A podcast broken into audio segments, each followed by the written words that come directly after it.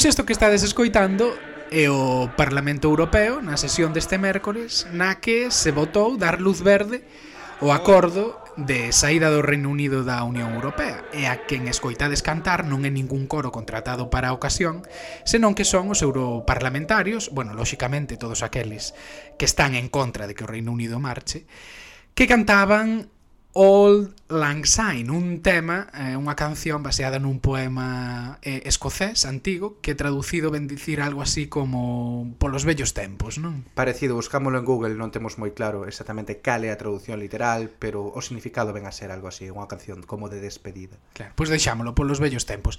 E foi un momento bastante emotivo, a verdade, Moito, non? moito, sí.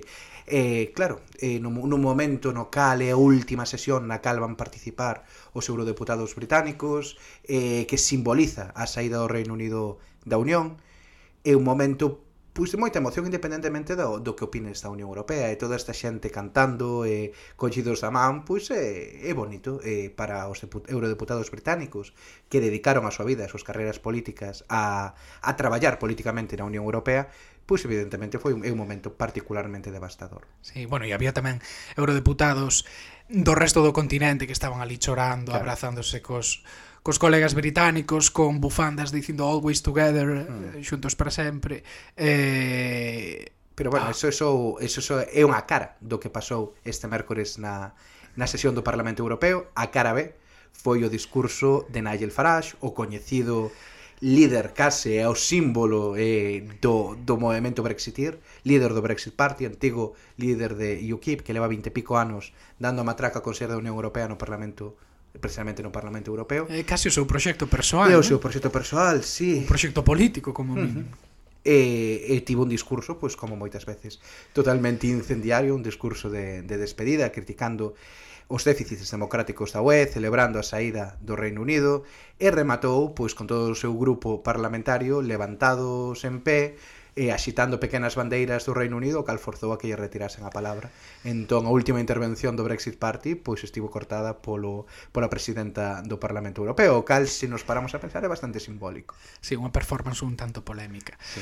Pero bueno, como non podía ser de outro xeito, hoxe saímos oficialmente da Unión Europea, así que non te congotas imos tratar de explicar que vai acontecer a partir de agora. É dicir, vai cambiar a nosa vida dramáticamente, vai haber colas de ferries e camións na fronteira intentando uh, importar no Reino Unido comida do resto de Europa. Bueno, non vai ser tan dramático, non? Polo menos durante un ano. Sí, de entrada non vai pasar nada, é dicir, hoxe ás 11 da noite, 12 horario continental, menos Portugal, saímos da Unión Europea. E as Canarias. E as Canarias, sí pero eh, a nosa vida non vai cambiar, non vai cambiar en absoluto. Eh, máis alá de que non haxa eurodeputados en, en Bruxelas, agora, durante o ano 2020, eh, entramos no que se chama un período de, de transición, que é un período que no cal van a seguir funcionando todas as leis e normas que existen agora no, na Unión Europea, incluído a liberdade de movimento, é dicir, podemos seguir viaxando eh, ao Reino Unido con o noso carne de identidade, se algún dos nosos ouvintes quere aproveitar a última oportunidade para emigrar ao Reino Unido, este é o momento. Ten un ano, sí. Un ano. Eh, ese é o que vai pasar, é dicir, de momento, nada. É dicir, o mercado común vai a continuar activo, o Reino Unido vai seguir formando parte del hasta o 31 de decembro de 2020, en teoría, o goberno británico ten ata xuño deste ano para solicitar unha extensión deste período de transición máis alá de decembro de 2020. Boris Johnson xa descartou esa posibilidade, dixo que iso non ia acontecer, e polo tanto, pois queda un ano para negociar o tratado comercial que vai realmente ser eh, o acordo importante que vai rexir a, a relación económica entre a illa e o resto do continente. Claro, moitos estaredes vos preguntando, agarrade un momento, pero non había xa un acordo, non nos estivechedes aquí contando que finalmente se chegara un acordo entre a Unión Europea e o Reino Unido. Sí, pero non era un acordo sobre todos os elementos pois da saída da Unión Europea, era só, digamos, as condicións máis básicas do divorcio, é dicir, a data na que iso se fai oficial, que hoxe, e tamén inclúe pois cuestións como os dereitos dos cidadáns eh, dos cidadáns europeos que viven no Reino Unido e dos cidadáns británicos que viven na Unión Europea, que como xa creo que falamos algunha vez nos newsletters, esencialmente pois van a seguir, vamos a manter os nosos dereitos a vivir e a traballar aquí, se xa estamos vivindo aquí, regula ese mismo ese acordo o período de transición uh -huh. e regula un pouquiño pois que vai pasar con algunhas eh, áreas particularmente polémicas como Irlanda do Norte, que xa cubrimos tamén en outro en outro programa, pero non hai nada sobre o acordo comercial, máis alá de que se intentará pois negociar neste neste ano, pero o acordo comercial é onde está a chicha, non é Miguel, é o impor é o importante da, da ou non o, import, o único importante, pero unha das partes máis importantes de pertencer ao mercado común na Unión Europea. Claro, eso eh, agora durante os últimos meses, antes de que se de que se chegara este acordo previo máis político, sempre se dicía, bueno, pois se isto vos pareceu duro, esta negociación con Europa pareceu vos dura, agardade a seguinte. Mm. Claro, aí é cando se van a definir eh basicamente cales son os dereitos, que dereitos ten o Reino Unido de exportar libremente sen trabas os seus produtos ao resto do continente. Entón iso afecta a sectores estratéxicos moi importantes para o Reino Unido, como pode ser desde a agricultura e a pesca, eso, bueno, un tema moi delicado e fundamental co que os brexitir fixeron moita campaña, especialmente na cuestión da pesca, das cotas e das áreas de, de pesca, E tamén importante os servizos financeiros, é dicir, un dos motores da economía británica é a City de Londres. Ata que punto as aseguradoras, os bancos van a poder eh, ter posibilidade de... Eh, comerciar e ofrecer os seus servizos financeiros ao resto do continente, bueno, eso é, son detalles moi técnicos sobre os que eu estou seguro que Boris Johnson como como político tampouco ten unha idea moi clara do que quere.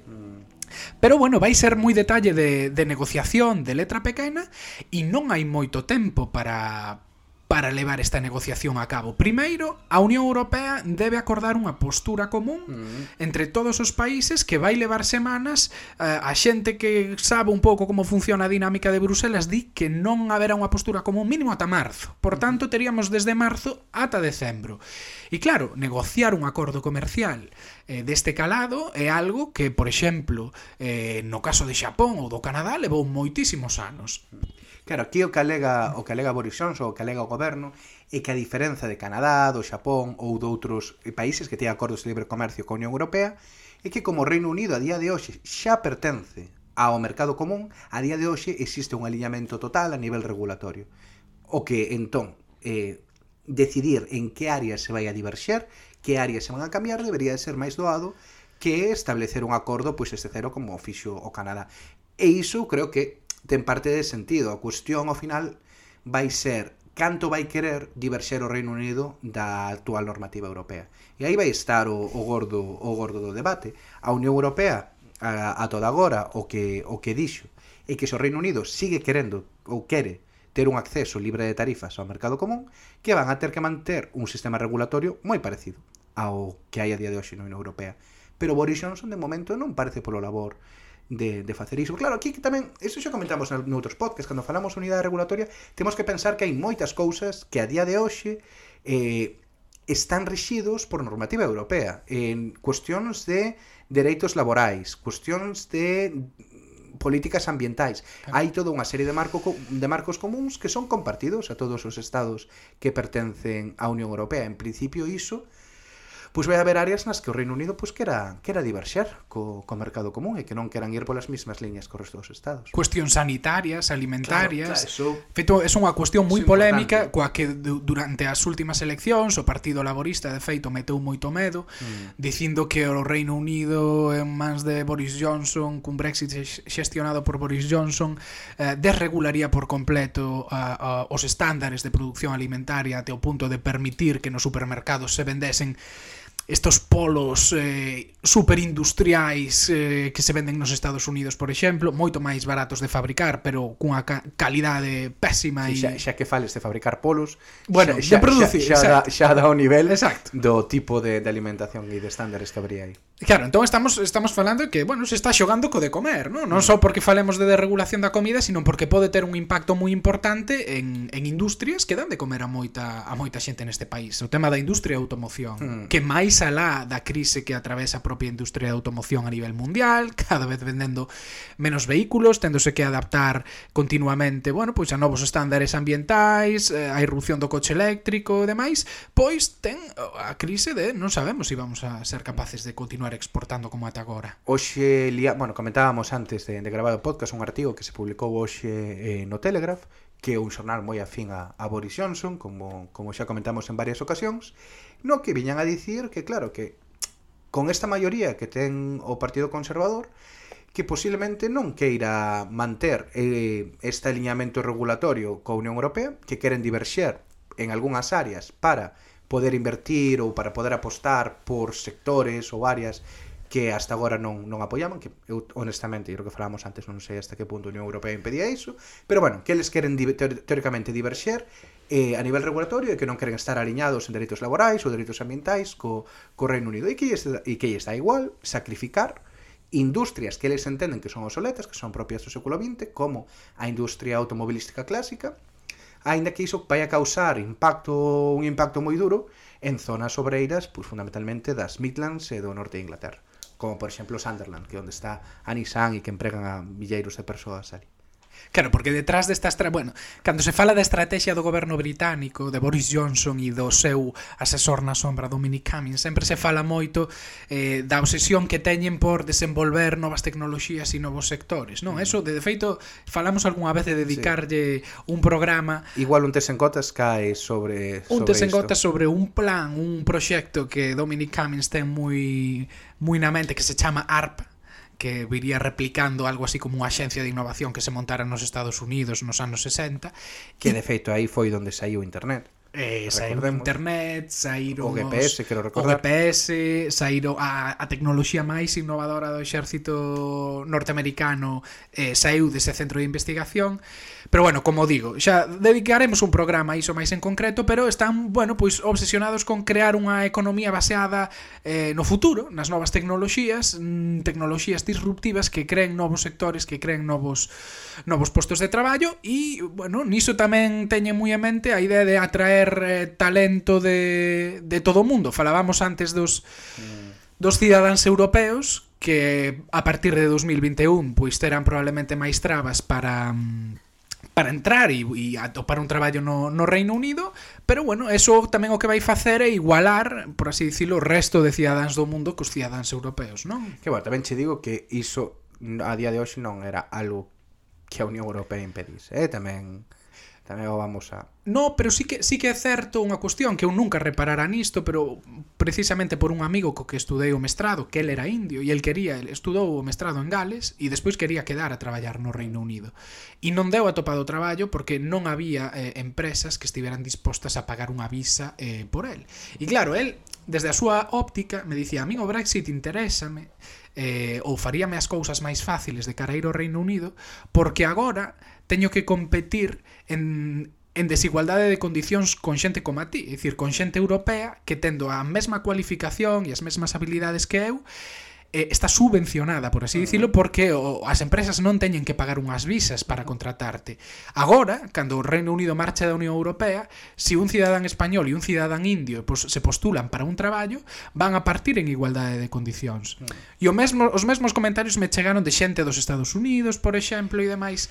Entón, bueno, é outra forma de velo. Non vou, non digo que ese novo sistema vai axudar a traer eh, mm. máis talento do resto do mundo e demais. Eu, personalmente, penso que máis ben o contrario. Pero, bueno, é outra, é outra forma de ver. Si, sí, os tamén os coitei de xente de xente de fora da Unión Europea, non? Que falaban de que agora van ter máis igualdade de oportunidades, pero a fin de contas aí quen vai a sufrir vai a, van a ser os empregadores eh, do, do Reino Unido quen queira, quen queira contratar a día de hoxe nun país que ten un 4% de paro que ten dificultades para cubrir moitas vacantes en postos técnicos eh, bueno, postos técnicos e non técnicos eh, porque tamén hai moitos por, postos básicos que, que están sen cubrir pero bueno, sen cualificación, digamos que están sen cubrir Pero eso, para un país que teóricamente quere contratar e atraer talento en sectores nos que fai falta, agora mesmo tiña acceso a todo un, digamos, unha reserva de traballadores cualificados europeos que mayoritariamente falan inglés como segunda lingua, que poden acceder a estes postos de traballo sen ningún tipo de visado,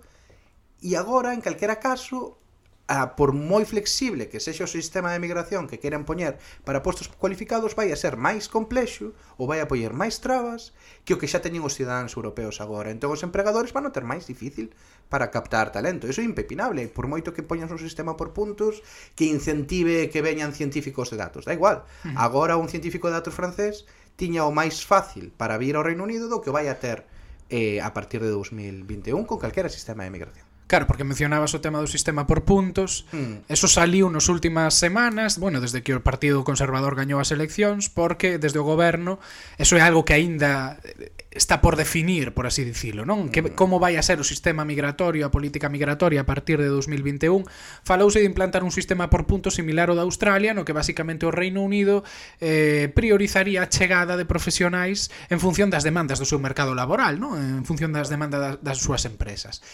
Eh, bueno, veremos como, como funciona iso. Australia é unha illa no medio de Oceanía. Eh, Bueno, eh, non ten nada que ver ca relación que ten o Reino Unido con, con Europa. Entón, bueno, veremos iso como, como funciona. Pero eu, dentro de todos os sectores que se van a negociar eh, Estou tamén, eh, teño curiosidade por ver que pasa co, co tema pesqueiro Tamén porque nos afecta moito a nós, non? Os galegos e o sector pesqueiro de Galicia. Eu lera xa o ano pasado sacar o Reuters unha reportaxe moi interesante Na que dicían que ao Reino Unido interesáballe eh, non dilatar moito a saída da Unión Europea porque moitos dos seus bancos pesqueiros, dos, dos importantes bancos mm. pesqueiros que están en aguas eh, bueno, eh, territoriais do Reino Unido, estaban migrando cara ao norte, cara á zona de Noruega, por culpa do cambio climático. Mm. Entón, dicían que canto máis pasase o tempo, eh, estaba probado que ano a ano os bancos estaban desplazándose máis cara ao norte, saindo do territorio británico, entón despois puidera ser que tiveran, bueno, pois pues que perderan un recurso ou unha ferramenta de negociación importante, porque hai moita pesca do resto da Unión Europea que que quere ir a, eses, a esos caladeiros. E bueno, fora curioso a ver a ver en que acaba iso, porque seguro que vai ter moito impacto, vai ter moito impacto na na nosa xente e na nosa industria. Uh -huh. Sí, é, é verdade que a veces entramos en moitos detalles cando falamos do Brexit, que si políticas pesqueira, que si financeira, que si dereitos eh, dereitos laborais, pero Ah, bueno, creemos que é importante dar todos os detalles, explicar toda a multicausalidade e todas as distintas ramificacións que un proceso tan tan complexo como como o Brexit ten. Levamos tres anos e medio, case catro con isto. E non é fácil, non é fácil de explicar e o mellor, pois intentamos contar todos os detalles o mellor que, que poidamos. É importante dar a, a big picture, non? Como, como din aquí. Eh, claro. Eh, velo todas as partes. A mí é que me xérame frustración a forma na que se cubre desde os medios do mm. Estado español e de Galiza eh, o Brexit. E de feito hoxe, escoitando algunha entrevista na, na radio, tiña a sensación de que é todo moi superficial. Un pouco o podcast empezou por eso, non? Exacto, sí, para intentar saírse e dar outra outra idea de, de, de, de que é isto, porque parece que é todo branco e negro. E escoitas entrevistas as entrevistas os emigrados ou aos británicos que están vivindo ali, bueno, como como sintes, como vives, que opinan os teus amigos, os teus amigos están divididos, que máis dá? Quero dicir, para saber se o país está dividido ou non, hai suficientes enquisas, acaba de haber unhas eleccións aí atrás.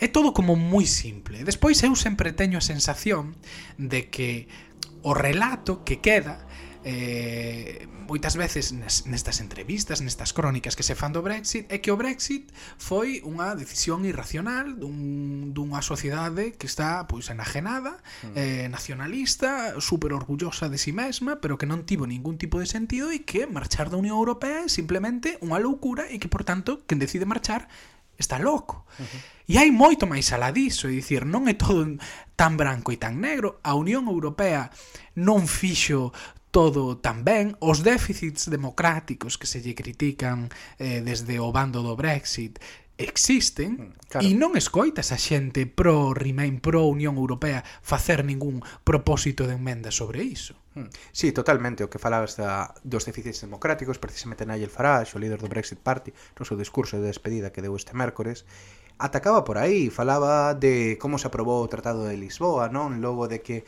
a Constitución Europea fose, fose rexeitada en Holanda e, e en Francia, que, que se aprobou máis ou menos o mesmo eh, así debaixo da mesa a través do, do Tratado de Lisboa e que iso fora unha, unha fraude democrática e que o Reino Unido demostraba pois, que eles tiñan máis forza e que non se deixaban influir pois por esa por esa presión e que tiñan ese pensamento independente. Claro, tamén hai ese discurso callou e ese discurso ten unha parte de de verdade importante. Claro, aquí non somos inxenuos, non imos dicir que a xente votou nesa clave, que a xente da Inglaterra profunda, que realmente sí que, bueno, pois ten unha idea nacionalista do seu país, votou necesariamente nesa clave. A inmigración foi un tema moi importante de mm. todo este debate, houbo moitísima manipulación e mentiras por parte eh, do bando do Brexit, pero sí que é certo que todas esas sementes de odio, sementes de xenofobia, sementes de nacionalismo que xente como Farage sementou durante moitos últimos anos, tamén foron regadas e agromaron con máis vigor, con máis forza, por, bueno, ter unha organización como a Unión Europea pois que ten estes déficits democráticos pola xestión que se fixo, por exemplo, da crise da débeda eh, mm. de Grecia, que son asuntos que ti lees a prensa, incluso no Financial Times outro día saía unha entrevista a un escritor que dicía que el sempre fora Remainer, a súa familia Remainer, pero que co tempo pois foi escorando a posturas máis pro-Brexit e cando foi a crise da débeda de, de Grecia, eh, foi cando cambiou de opinión por completo e dixo, testo hai que sair porque isto pois, non é unha organización democrática na que eu quero estar.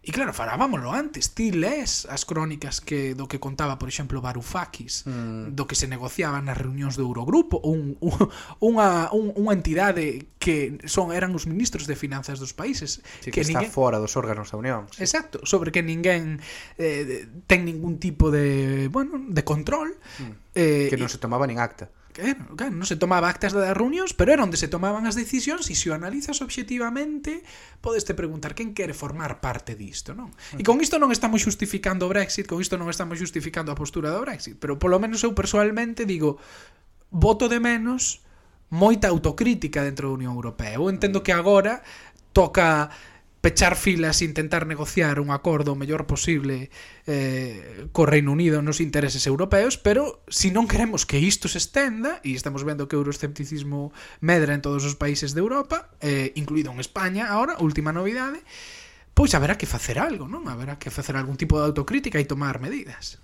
Isto era algo que, que falábamos, uh, de feito ti eu a, outro día, non? Que eu creo que un dos problemas que ten que ten a Unión Europea é que é a falta dunha opinión pública europea. É dicir, unha, unha das cousas que, que, que é fundamental nunha democracia, un dos elementos que é fundamental nunha democracia para que o poder pois rinda contas diante da ciudadanía é ter unha opinión pública, ter uns medios de comunicación que informen, que cubran e, e que xeren debate en torno que se deciden pois nas esferas nas esferas de poder. Por iso, pois a prensa española cubre o que pasa en Madrid e a prensa galega pois Bueno, sí, a prensa galega está por aí. A prensa tamén. galega está aí. Está aí. eh, tamén, no, a prensa galega tamén cubre o que pasa en Madrid. Tamén é certo. Non hai. A ver, claro, que eh, si non Outra si non podemos se cubren o de San Caetano. Esa, esa, exacto. Bueno, e hai prensa e prensa, eh? Non sí, vamos aquí sí, a generalizar. É verdad. É verdad. Eh, pero bueno, eh, re, re, recuperando recuperando a, a liña. Que non existe esa opinión pública europea. Non se fala das posturas que teñen os distintos grupos parlamentares no Parlamento Europeo, non se fai un seguimento serio da Comisión pois por parte dos grandes medios eh, españois ou británicos. E iso dificulta moito que ese, esa ferramenta de control e, e ese sentimento de legitimidade democrática que ten que ter unha institución como a Unión Europea. Igual o que tiñan que facer a UE era financiar máis eh, que os medios eh, do mesmo xeito que dá liñas de axudas para moitas cousas, pois dar liñas de axudas para que os medios teñan máis delegacións en Bruselas. Pero bueno, que ese Esos outro, son propostas, sí. Sí, ese outro debate. Pois, independentemente do que fagan os medios europeos co que pasan nas institucións europeas, eh, nós imos continuar aquí durante o próximo ano que vai ser intenso. É triste que o Reino Unido saia da Unión Europea, especialmente cando vives aquí, e, e cando eres un inmigrante nun país no que escoitas que a xente votou marchar porque non quere inmigración, pero a vez, eh, pois tamén vai ser interesante ver o que acontece eh, con este país, co Reino Unido, porque é a primeira vez que un país sae da Unión Europea, eh, navegar no descoñecido e, bueno, todo indica que as cousas non van a ir a mellor, polo menos no, no curto prazo ou medio prazo, pero veremos que é o que pasa. Eh, son tempos tempos interesantes. Sí, eh, evidentemente estas son eh, momentos históricos, últimas horas na Unión eh, na Unión Europea E como diste tamén un momento triste a nivel a nivel persoal, porque tamén a historia, polo menos para min, é a historia de derrotas, non é ningún secreto que eu en 2016, cando foi o referendo, fixen campaña por por quedar, é unha das múltiples derrotas eh, políticas da miña vida. E é emotivo, non? É emotivo, é, é, é, é triste, pero como diste tamén abre unha, unha nova época, momentos históricos de algo que nunca pasou, un país deixando eh, a Unión Europea e nós estivemos aquí eh, eh, contando malamente desde, desde o té con gotas que é algo moi pequeniño neste mundo tan tan inestable, pero que a nos pues, feinos un pouco un pouco felices. Pois sí, pois sí. Polos vellos tempos. Polos vellos tempos.